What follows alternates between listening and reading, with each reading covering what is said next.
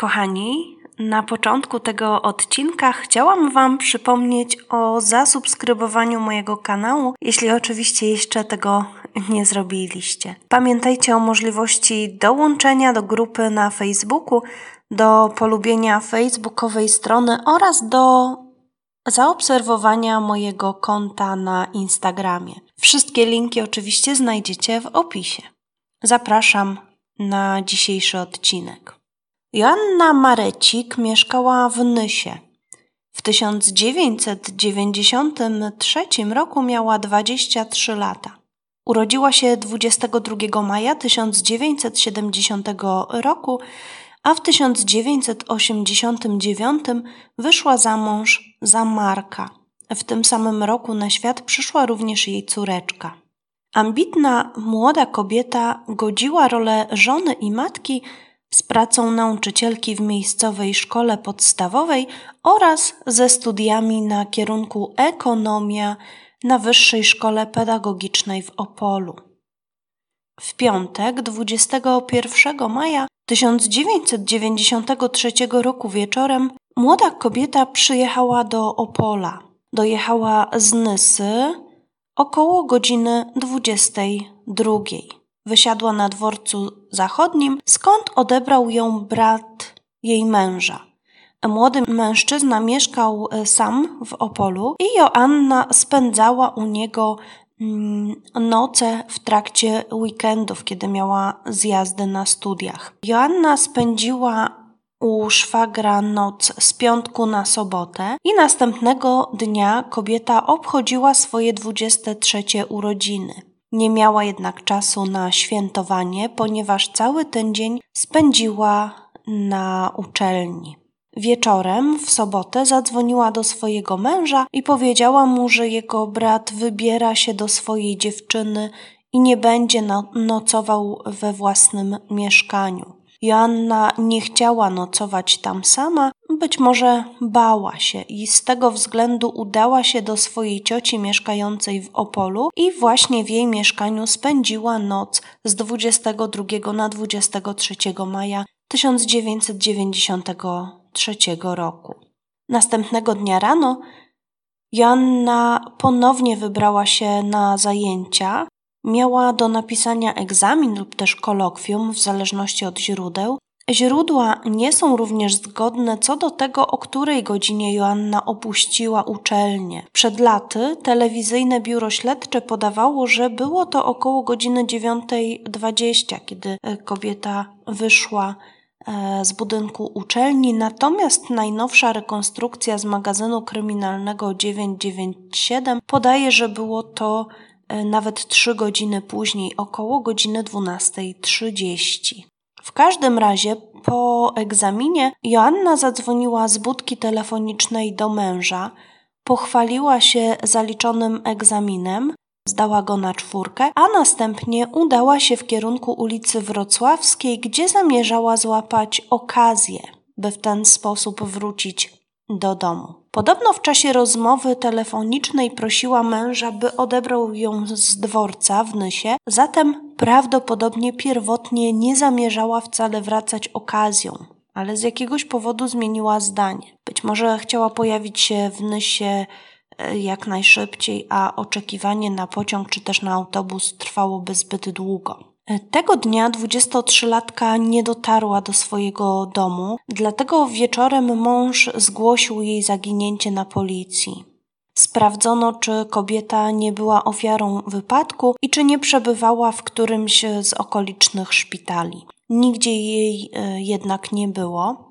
W dniu zaginięcia Joanna Marecik miała na sobie zielone spodnie płócienne oraz bluzkę beżową z kołnierzykiem oraz fioletowy sweterek zapinany na, na guziki. Przy sobie miała również niewielką czarną torebkę na długim pasku.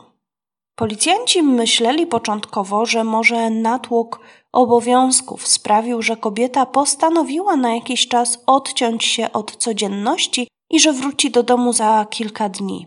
Joanna jednak nie wróciła. Nie było z nią żadnego kontaktu i przez niemal rok nikt nie wiedział, co się z kobietą stało.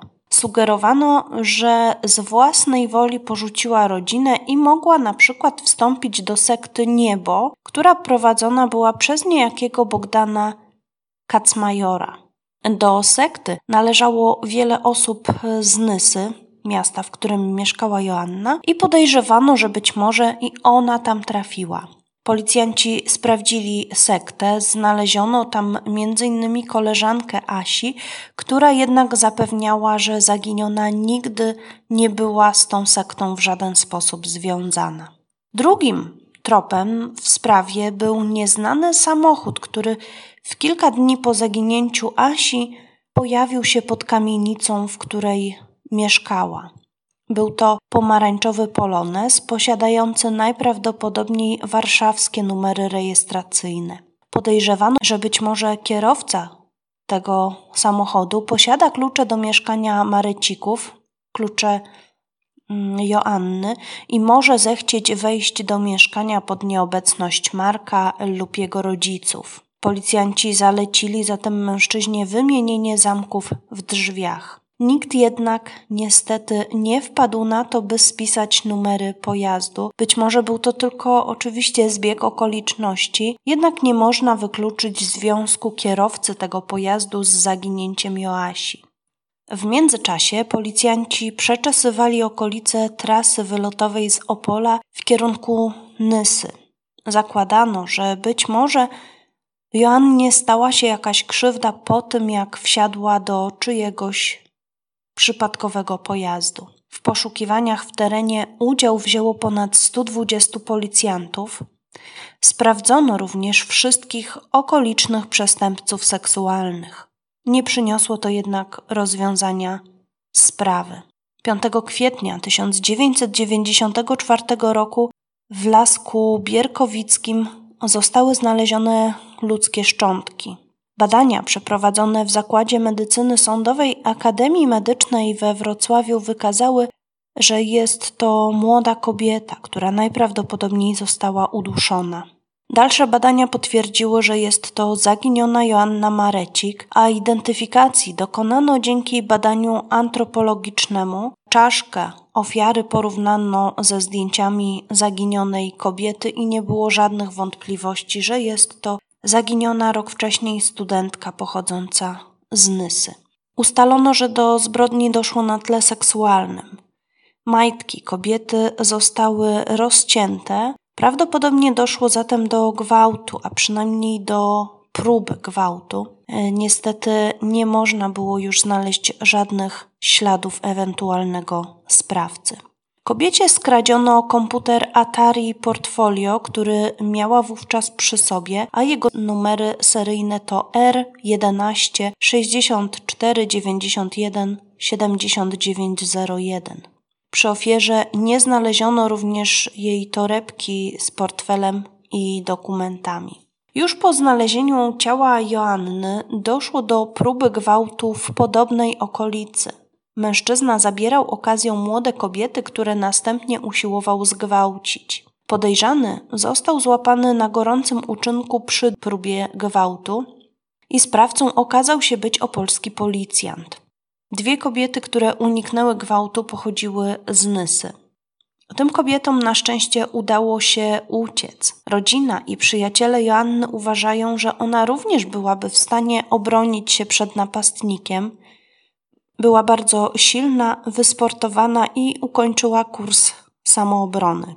Nie można zatem wykluczyć, że w zbrodni na Joannie być może udział wzięło dwóch sprawców, a może nawet więcej. Czy jednak ten policjant, złapany na gorącym uczynku, policjant, który dopuszczał się prób gwałtu, może stać za śmiercią Joanny Marecik? Tego nigdy nie ustalono. Między zabójstwem kobiety a schwytaniem gwałciciela minął rok. Nie udało się w jego samochodzie znaleźć żadnych śladów, które połączyłyby go w jakiś sposób z ofiarą. Ta sprawa do dziś pozostaje nierozwiązana.